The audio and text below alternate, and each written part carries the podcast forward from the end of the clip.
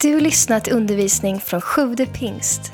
Vi hoppas att Guds ord ska tala in i ditt liv och fördjupa din relation med Jesus. Besök gärna vår hemsida, www.sjuvdepingst.se.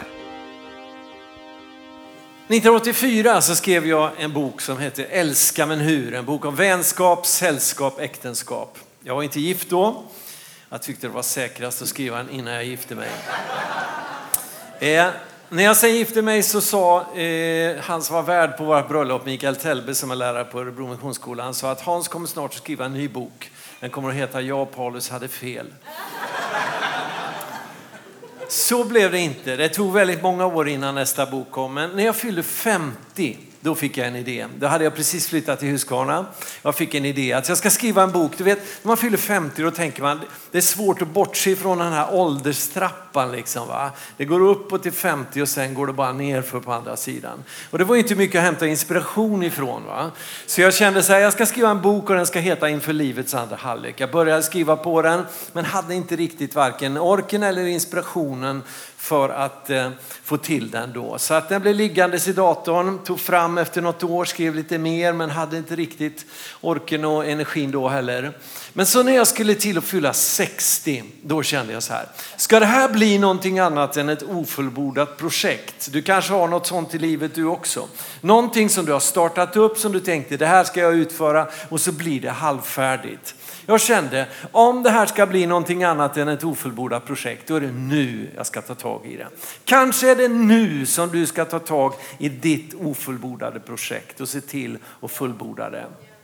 Då hade jag liksom väldigt flyt så att det gick snabbt att skriva klar den där boken. Och eh, den kom ut då för två år sedan och heter Inför livets andra halvlek, att göra det bästa av resten av ditt liv.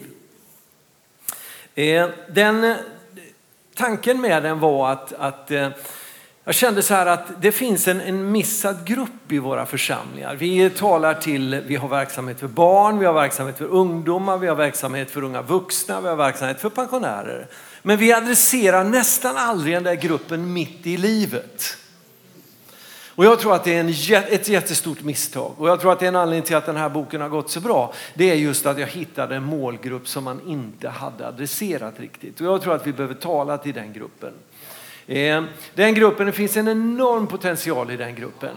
Nu gäller det inte bara den gruppen utan jag har ett kapitel i boken också som är riktat till dig som pensionär som heter Det är aldrig för sent.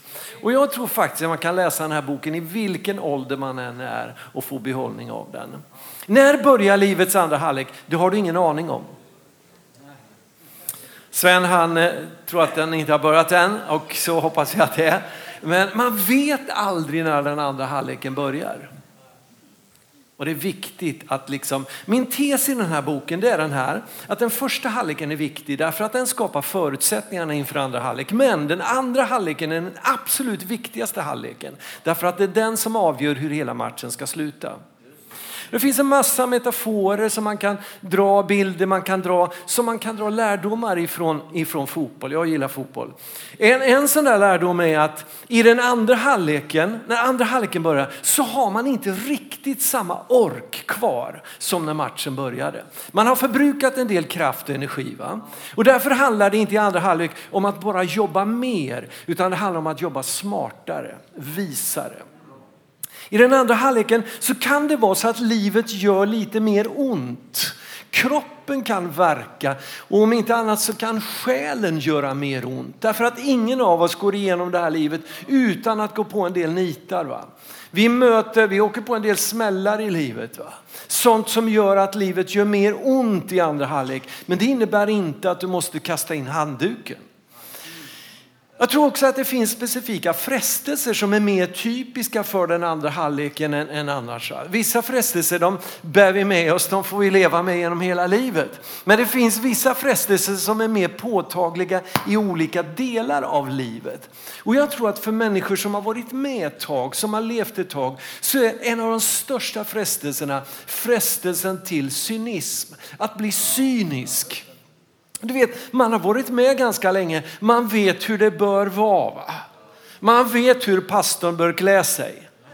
Och man vet vilka sånger vi bör sjunga i kyrkan och så vidare. Så vidare va? Därför att vi har varit med och vi tycker vi kan det här nu. Va? Och så blir vi sådana här som du och jag blir när vi sitter framför tvn och kollar på fotboll. Åtminstone jag är sån. Va? Och hur kan de ta ut den gubben? Och, så skjuter han skulle passa. Alltså, jag gör aldrig ett misstag när jag sitter i tv-soffan. Men du vet, om de skulle släppa in mig på banan så skulle det märkas att jag inte riktigt hängde med. va? Du vet, det är jättelätt att sitta i kyrkbänken och tala om så här ska vi göra, så här ska vi inte göra, så här ska det gå till, så här ska det inte gå till. Men så blir vi bara cyniska åskådare. Och Guds församling behöver inte cyniska åskådare. Guds församling behöver människor som är med, som engagerar sig, som hänger sig. Vi kanske inte tycker att allt är perfekt, allt är precis som jag skulle vilja att det var. Så är det för mig också. Fast jag är pastor. Och föreståndare. Det är kanske inte vissa saker som man tänker, ja det där skulle man kunna göra lite annorlunda. Va? Men det är inte det viktigaste. Det viktigaste är att du och jag får vara med och fullborda vårt lopp, vår kallelse och göra det som Gud skapade dig och mig för att göra. Va? Så att vi kan säga som Paulus ändå, att jag har fullbordat mitt lopp, att bevara tron och så vidare. Va? Eh, vad gjorde ni den 16 oktober 2012? Ingen som minns? Hur kan ni glömma? Det är en sån där dag som man alla vet precis vad man gjorde, tror jag. 16 oktober 2012. Sverige mötte Tyskland på Olympiastadion i Berlin, VM-kval. Och vi hade församlingsledningsmöte. Alltså, vad får man inte offra för evangeliets skull? Va? Men så tur var matchen börjar inte för en kvart i nio. Det är ju så nu att man har lite senare matchtider och det är bra. Så att eh, vi slutade församlingsledningsmötet strax före halv tio. Så jag tänkte jag hinner hem och se andra halvlek i varje fall. Så jag snabbt ut till bilen, åkte hem. Riktigt laddad så här. Tänkte det ska bli kul att se Sverige-Tyskland. Kommer hem, mina grabbar sitter i tv-soffan och man märker stämningen är ganska tryckt. Det står 3-0 till Tyskland. Alldeles i slutet av första halvlek. Och man känner, nej inte 3-0 efter första halvlek. Men man hoppas ju alltid det ska kunna vända. Va? Så att, eh, visst hopp hade vi väl inför andra halvlek att det skulle kunna hända någonting bra i alla fall. Och så händer det. 56 minuten, Mehmet Özil gör 4-0 till Tyskland. Det var inte kul va? Det var ungefär 1,3 miljoner människor i Sverige som såg matchen på tv direkt. 120 000 stängde av redan i första halvlek. Och jag har mött människor som var på Olympiastaden i Berlin och som faktiskt gick hem därifrån efter första halvlek. Men vi satt kvar. Och nu 0-4, det liksom var kört. Va? Jag minns jag sa så här till mina grabbar. Bara ett mål så är jag nöjd. Bara ett mål så att inte förnedringen är fullständigt total. Ett mål bara, då är jag nöjd. Och så händer det. Zlatan Ibrahimovic, vem annars, nickar in 4-1. Och så gör han det magiska. Han springer och hämtar bollen direkt. Springer snabbt tillbaks, lägger upp den på mittpunkten, ställer upp och markerar. Det är inte kört än. Två minuter senare, Micke Lustig gör 4-2. Och nu händer det där som inte brukar hända på Olympiastadion i Berlin. Att tyskarna börjar bli lite nervösa. De släpper ju nästan aldrig in ett mål hemma på, på, på Olympiastadion i Berlin. Nu har de släppt in två på två minuter. Och man märker det sprider sig lite nervositet. Det börjar bli spännande här. Ska det kunna hända Ska, ska Sverige kunna vända? 12 minuter senare. Joakim, eh, Johan Elmander gör 4-3. Alltså, det är som åt extas hemma i tv-soffan. Vi är helt gasade jag och mina grabbar. 4-3, Sverige har nästan vänt. Det här är fantastiskt. Så sätter Sverige in Tobias Sana, oprövat kort, får ett jätteläge, skjuter utanför. Nej, tänker man. Zlatan visar prov på stort ledarskap, vilket han inte alltid gör. Han är snabbt framme, klappar om Tobias Sana, uppmuntrar honom. Sverige skapar lite chans men klockan går fort nu. Det har passerat 90 minuter och det ser ut Och vi, vi säger det var starkt i alla fall att vända från 0-4 till 3-4 så kommer ni till andra minuten. Kim Källström lyfter in ett inlägg med sin känsliga vänsterfot. Zlatan Ibrahimovic går upp i en nickduell med Per Mertesacker, vinner nickduellen, nickar ut bollen snett inåt bakåt till Rasmus Elm som kommer på volley och skjuter i mål. Sverige har gjort 4-4. Klockan visar på 92 minuter och 17 sekunder. Sverige har vänt 04 till 4-4. Vi kallar det idag för bragden i Berlin. Och det, det är nog ett av mitt livs roligaste idrottsupplevelser. Jag hade en annan nu i somras. Jag och mina grabbar var och såg Sverige-Mexiko på plats i Jekaterinburg. Det var häftigt. Men alltså just det där, när det där som inte ska kunna hända händer. Det är fantastiskt. Va? Och så är det i livet också. När allting har gått fel, allting har misslyckats och så plötsligt så vänder livet och det börjar gå åt rätt håll och du får upprättelse i livet. Det där är fantastiskt och det där kan man få se. Så ge inte upp även om det skulle stå 04 billigt talat. Du kan vända. Det som har gått fel kan börja gå rätt och du kan få se, du kan få avsluta ditt liv på ett riktigt bra sätt. Va? Jag tror att det är så här att första delen av livet, allting snurrar på ganska snabbt. Va? Men någonstans mitt i livet så behöver varje människa någon slags halvtidspaus, en reflektionspaus där man sätter sig ner och funderar, vad vill jag egentligen med resten av mitt liv? Hur vill jag att mitt livslopp ska sluta? Vad vill jag ska bli slutresultatet av mitt liv? Om Gud nu finns, vad har Gud tänkt med mitt liv? Vad hade Gud för drömmar, för planer för mitt liv från allra första början? Hur ska jag kunna få vara med och fullborda de där planerna, de där tankarna för mitt liv? Någonstans mitt i livet så behöver man den där reflektionspausen. Ingen av oss vet som sagt var hur långt vårt liv kommer att bli. Men Bibeln har ett sätt att definiera det här. Mose säger i psalm 90 att vårt liv varar 70 år eller 80 om krafterna räcker. När det är som bäst är det möda och bekymmer. Snart är det förbi. Vi flyger bort. Alltså, snittåldern i Sverige idag för en man den är strax över 80 och för kvinnor ligger det på 84 ungefär. Va? Någon som talar om det svagare kärlet. Men så är det liksom. Va? Och, och, och, om jag nu skulle ta fram den här tumstocken som jag råkade ha med mig av en tillfällighet. Och så, så låter vi varje centimeter få representera ett år. Va? Så har vi, då har vi 80 här borta. Eh, en del får, får uppleva lite bonus, man kan få leva till 100. Jag såg en kvinna på nätet som var 102 som spelade tennis med dubbelhands backhand. Och när hon och hennes eh, mixed partner vann en boll så gick de fram och så gjorde de en high five med varann. Det är du Sven. Det finns hopp inför 120 också kanske för en del. Då lever man dit. Men, men alltså i snitt va? Så, så någonstans där runt 80. Och då funderar man, var befinner man sig på den här utvecklingslinjen? Ja, jag befinner mig här. Jag har gått in på den där sista delen liksom. Om jag nu inte får bonustid, vilket jag hoppas. Men där befinner jag mig. Och man inser att livet går fruktansvärt fort. Det var inte länge sedan som jag kallades en av de unga förkunnarna i vårt samfund.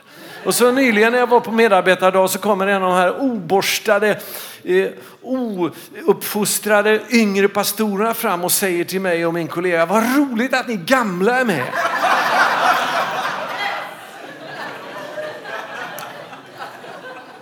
Hade inte jag varit så helgad så hade han fått stryk. Men alltså man inser livet går fort, visst är det så? Ju äldre man blir, ju, ju mer inser man att livet det flyger bort.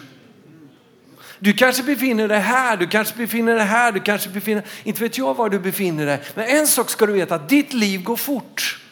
Och det är viktigt att du funderar över vad vill jag göra med resten av mitt liv oavsett var du befinner dig på den där utvecklingskurvan.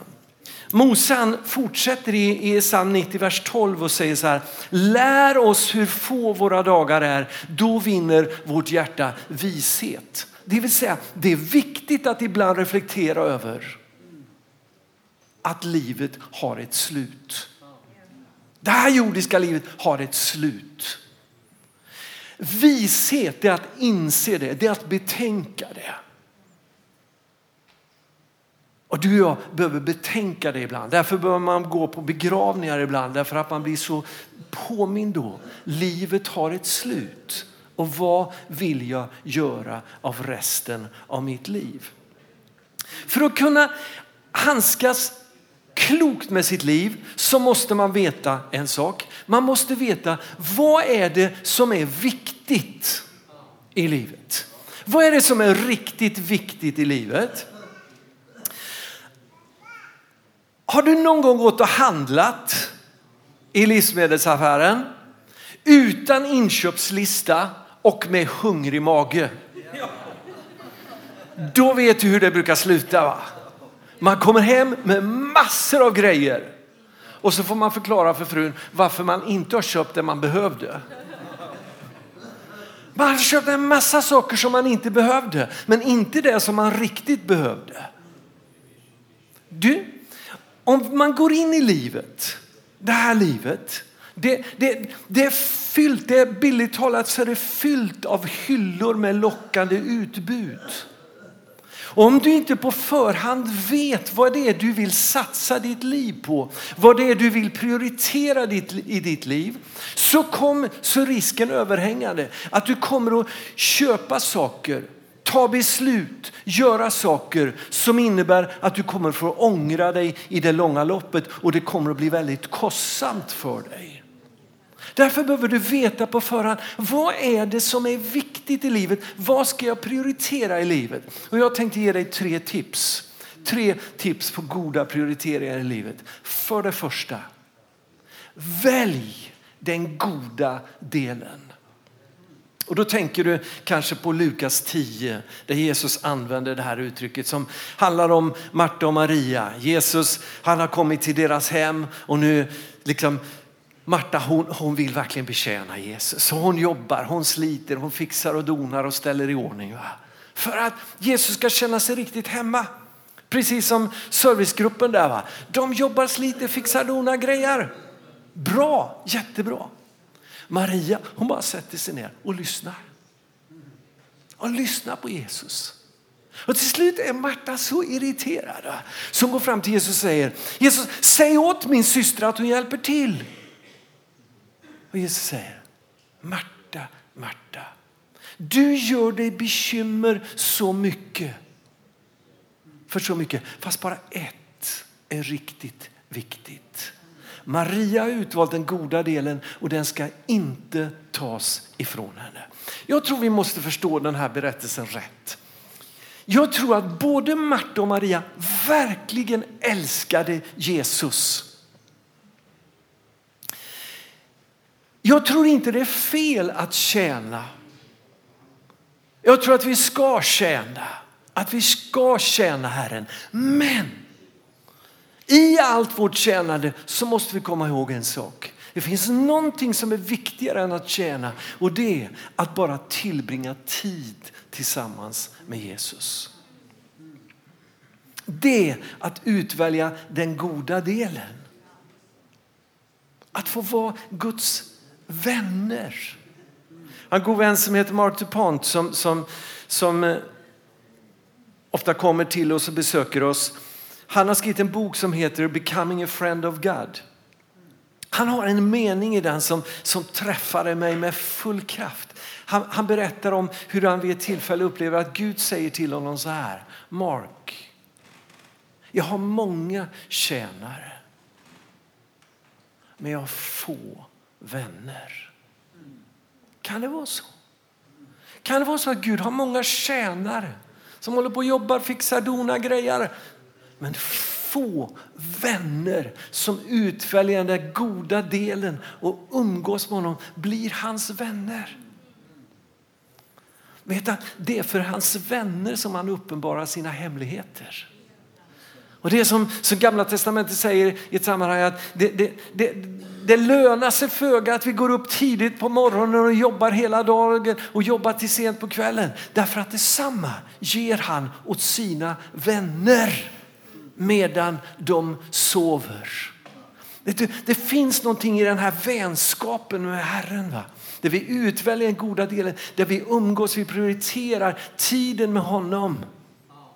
Där så mycket bara tillfaller oss.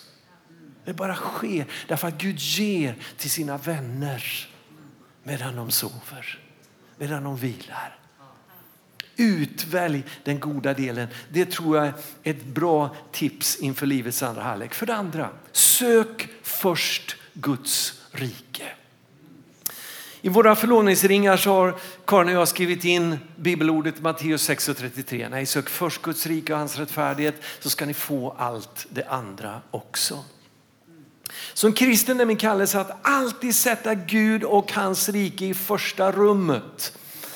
Vi har en målbild i vår församling och en av delarna i den här målbilden är ett stort hjärta och i det hjärtat står det Gud först. Vi vill vara en församling som präglas av ett stort hjärta och i det hjärtat ska det stå Gud först. Vi vill att Gud ska komma först på alla områden i våra personliga liv och i vår församlingsliv. Gud först. Hur gör man det praktiskt? Ja, till exempel på ekonomins område. Du har redan hört om det. Att man, man, man ger först till Gud. Det talas i Bibeln om förstlingsoffret. Va? Det innebar att man, man avskilde det första av skörden, av första apelsinerna, det första eh, vetet som man skördade. Det tillhörde Gud. Inte som ett uttryck för nu är resten mitt. Utan alltihop var Guds. Och därför att alltihop var Guds så avskilde man, man omskar skörden och gav det första till Gud. Alltihop var Guds. Uttrycket för det var Gud först. Och när man, när man gjorde det här så bad man också Gud låt din välsignelse få komma över hela skörden så att det räcker till allt det det behöver räcka till. Men Gud först, det vill säga man väntar inte till slutet på månaden och ser blir det något över att ge. Utan man ger först till Gud. Det här kan du praktisera på många områden. Att avskilja den första delen av dagen för Gud. Börja med Gud. Börja rätt. Börja med Gud, ge honom den första delen Hela dag. Han har rätten till hela din dag. Va? Han vill vara med dig hela tiden. Men att, att börja den första delen av dagen, det är att sätta tonen rätt på något sätt. Va? Eller den första veckodagen som är söndag. Man avskiljer den första veckodagen för Herren. Jag brukar säga ett av ditt livs absolut viktigaste beslut kommer att vara beslutet att bli en regelbunden gudstjänstbesökare. Det kommer att komma perioder i ditt liv där kanske det enda som håller dig fast vid Gud är varje veckas gudstjänstbesök. Där livet är så tufft, där omständigheterna är så besvärliga. Så det enda som håller dig fast vid Gud är den där livlinan, gudstjänsten. Gör det till ett av ditt livs viktigaste beslut att bli en regelbunden gudstjänstbesökare. Med regelbunden gudstjänstbesökare menar inte jag en som regelbundet besöker gudstjänsten varje första advent. Utan jag menar varje söndag, om det inte är något alldeles speciellt som gör att det inte funkar, så är din och min plats att vara i Guds hus. Jag tror att det är ett jätteviktigt avgörande beslut som kommer att forma och prägla ditt liv mer än de flesta andra besluten.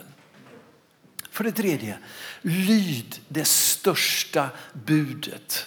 Vilket är det största budet? Ja, Jesus får frågan, en laglärd kommer och frågar, vilket är det största budet?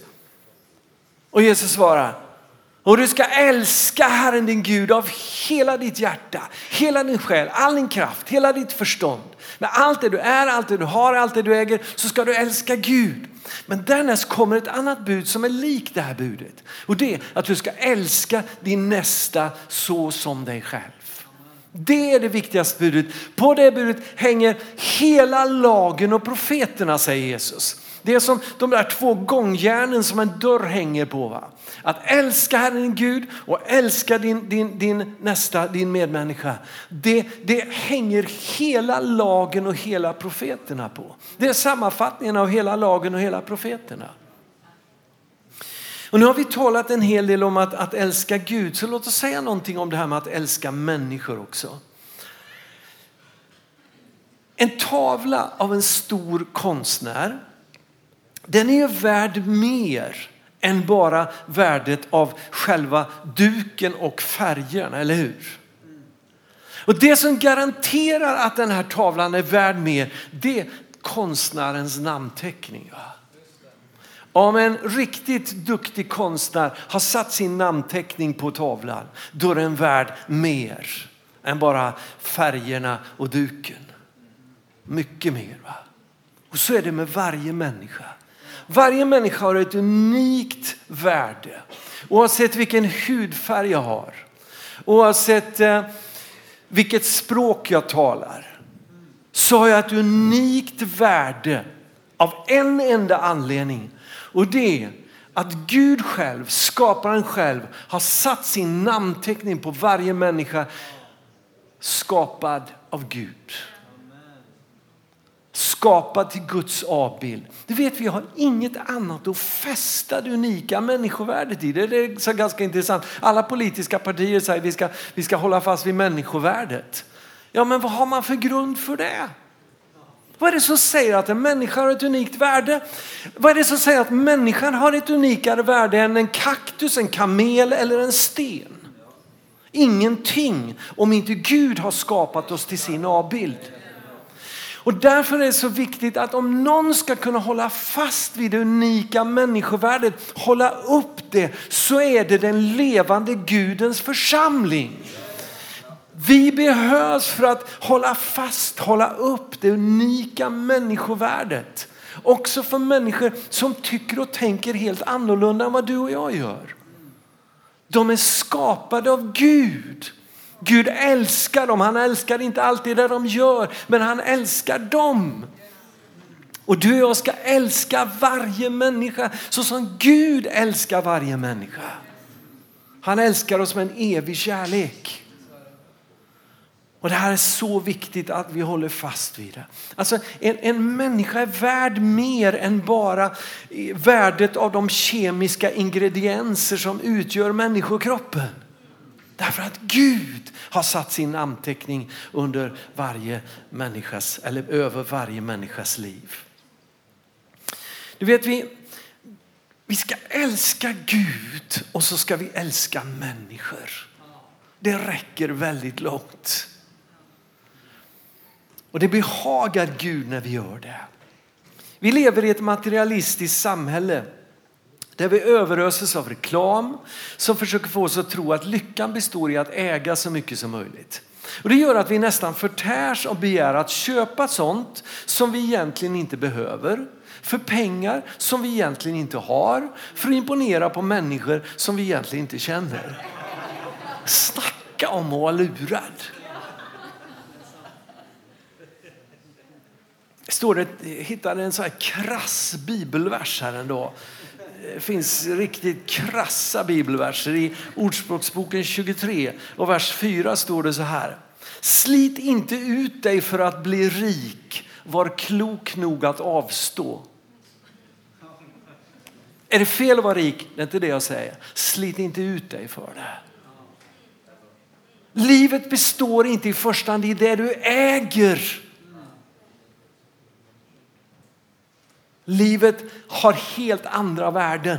Och det som är dyrbarast, det som är viktigast, det, det köper du inte för pengar. Så funkar det. Om vi vill leva ett rikt liv så ska du följa det viktigaste budet och alltid värdera människor högre än saker. Se relationer som värdefullare än ägodelar och livet som mer värt än pengar. Om du tvivlar på det så bara fundera en liten stund. Vad vill du helst hålla i handen när ditt liv går mot sitt slut? En riktigt fet plånbok eller en riktigt god väns hand. Valet är väldigt enkelt. Lev då också utifrån den övertygelsen. Vi tittar på tumstocken för en stund sedan för att ta ett annat illustrationsmedel. Det här är ditt liv. Här föds du och här dör du. Här föds du, här dör du. De flesta människor tänker så här, livet går ut på att under första delen av det här livet samla på sig så mycket som möjligt så att under den allra sista delen av livet kan leva så bekvämt och behagligt som möjligt. Och den som inte lever så, den som inte tänker så, den betraktas i vårt samhälle som mer eller mindre idiot. Och det kan ju vara sant om det här är hela ditt liv. Men du vet, ditt liv är mycket, mycket mer än så. Det här är bara liksom ditt korta jordeliv. Och ditt liv har en evighetsdimension som bara fortsätter och fortsätter och fortsätter. Och om du ska förstå vad som är riktigt viktigt i det här livet så bör du titta på det utifrån ett evighetsperspektiv. Och då blir saker och ting lite annorlunda. Det blir inte lika viktigt att samla skatter på jorden. Och svårigheter, problem och lidande blir inte heller lika förfärligt på ett sätt. Va? Därför att Paulus säger så här att mina lidanden i den här tiden, de väger oändligt lätt i jämförelse med tyngden av den härlighet som kommer att vila över mig under hela evigheten. Och du vet, om det här är sant så blir inte döden lika hemsk heller. Därför att då är döden bara en övergång till ett evigt liv i gemenskap med Gud. Och jag tror att våran kallelse som kristna, det är att leva ut och be den här bönen som Jesus lärde oss. Tillkommer ditt rike och ske din vilja så som i himlen så också på jorden. Vår kallelse att verka för att be om att så mycket som möjligt av himlens välsignelser ska uppenbara sig redan på jorden. Vi kommer inte se Guds rike i sin fullhet på jorden, det är inte det jag säger. Men jag säger vi ska be om att så mycket som möjligt av Guds rike, Guds vilja ska ske redan i den här tiden. Men sen ska vi också verka för att se till att få med oss så mycket som möjligt därifrån och dit. Vi ber om att så mycket därifrån ska uppenbara sig redan här. Men vi ska se till att så mycket som möjligt därifrån får vi med oss dit. Vad får man med sig in i himlen? Får man ta hunden med sig in i himlen? Ingen aning. Hoppas inte det håller jag på att säga.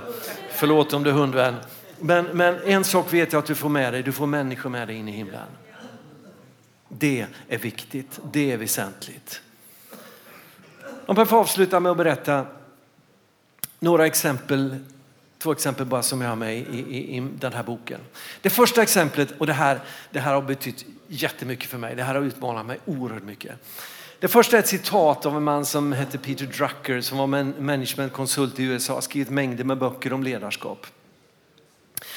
På universitetet i Claremont i Kalifornien där han kommer ifrån så finns det tre hyllor med alla hans böcker. Den första hyllan det är de böcker som han skrev före 65 års ålder. De två andra hyllorna, det är de böcker som han skrev efter 65 års ålder. Love it. Vem sa att livet tog slut vid 65? Och när han var 86 år gammal så fick han frågan av en journalist. Vilken av alla dina böcker är du mest stolt över? Då svarade Peter Drucker nästa bok. Det är så bra. Nästa bok. Tänk att leva så att du alltid tänker det som jag kommer att vara mest stolt över i livet, det ligger framför. Det bästa ligger framför. Det är inte så vi tänker alltid. Va? Ah, nu är det bästa bakom. Liksom. Ah, nu gäller det bara att överleva. Eh, nu gäller det bara att uthärda. Du kan, leva så, du kan leva som att det bästa ligger framför. Som kristen kan du alltid leva så. Och det är så mycket Paulus i det. Jag glömmer det som ligger bakom, jag sträcker mig mot det som ligger framför och jag jagar mot målet. Och du vet, du kan alltid leva så. Därför att när du kommer till den sista dagen på den här jorden, då kan du verkligen tänka så här. Det bästa, det ligger framför. Så kan du leva hela tiden. Jag blir så trött på alla människor som parkerar så tidigt i livet. Vissa människor de parkerar redan vid 30. Så tror de att de har upplevt allt som går att uppleva i livet och nu är det inget kvar. Liksom. Du, bevara en helig nyfikenhet på livet och våga tro att det bästa kan ligga framför. Låt mig få avsluta då med en annan berättelse som, som har utmanat mig så mycket. Jag läste en sociologisk undersökning från USA där man hade ställt frågan till människor som var 95 plus. Om du fick leva om ditt liv, vad skulle du då göra annorlunda? När jag läste det så kände jag, här gäller det att lyssna. Alltså om det är någon som bara är drygt 60 så har de inte mycket livserfarenhet så de, de är inte så mycket att lyssna på. Men har man levt 95 år, då har man en del livserfarenhet. Då gäller det att spetsa öronen. Det var ju en öppen fråga som fick en mängd olika svar. Men det var tre svar som kom tillbaks och kom tillbaks och totalt kom att dominera svarsbilden. Det första de sa, det var det här. Om jag fick leva om mitt liv så skulle jag reflektera mer. Jag skulle tänka efter lite mer. Jag skulle reflektera över vad jag gjorde av mitt liv. Du vet, det är så lätt att livet bara rinner mellan fingrarna på sig. Plötsligt en dag så står vi, jaha, alla de här dagarna som bara kom och gick, var det det som var livet? Vi behöver en reflektionspaus i halvtid, så jag, någonstans mitt i livet. Men jag tror att vi behöver det gång på gång i livet. Att vi stannar upp och funderar, vad vill jag med resten av mitt liv?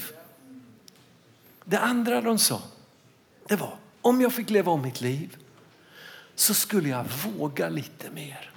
Jag skulle ta lite större risker. Vet du, jag tror att det är få människor som kommer att ligga på sin dödsbädd och tänka så här, varför vågar jag så mycket? Varför tog jag så stora risker? Men jag tror det är ganska många som kommer att tänka så här, varför tog jag inte lite större risker? Varför vågade jag inte? Varför var jag så feg? Varför lät jag andra människors tyckande och tänkande få skriva mitt livs dagordning? Varför var jag så feg och fråga, Sven ska inte du bli frälst ändå? Eller Sven får jag be för dig? När jag möter en som är sjuk, får jag be för dig? Jag kan inte hela men Gud kan. Varför är vi så fega? Varför vågar vi inte mer? Tänk om hela församlingen skulle våga lite mer. Tänk om du skulle besluta dig för att jag ska våga lite mer. Jag ska inte vara så feg, jag ska våga lite mer. Det tredje de sa, det var att om jag fick leva om mitt liv så skulle jag satsa mer på sådana saker som lever vidare efter det att jag själv är borta. Alltså de där tre svaren har utmanat mig så oerhört mycket i mitt liv. Och jag hoppas att de ska utmana dig också. Om du inte kommer ihåg någonting annat av det jag sa idag, så kom ihåg de sakerna. Jag skulle reflektera mer. Jag skulle våga lite mer. Jag skulle satsa mer på sådana saker som lever vidare efter det att jag själv är borta. Tack för att du lyssnat. Glöm inte att du alltid är välkommen till vår kyrka. Du hittar mer info på www.sjuvdepingst.se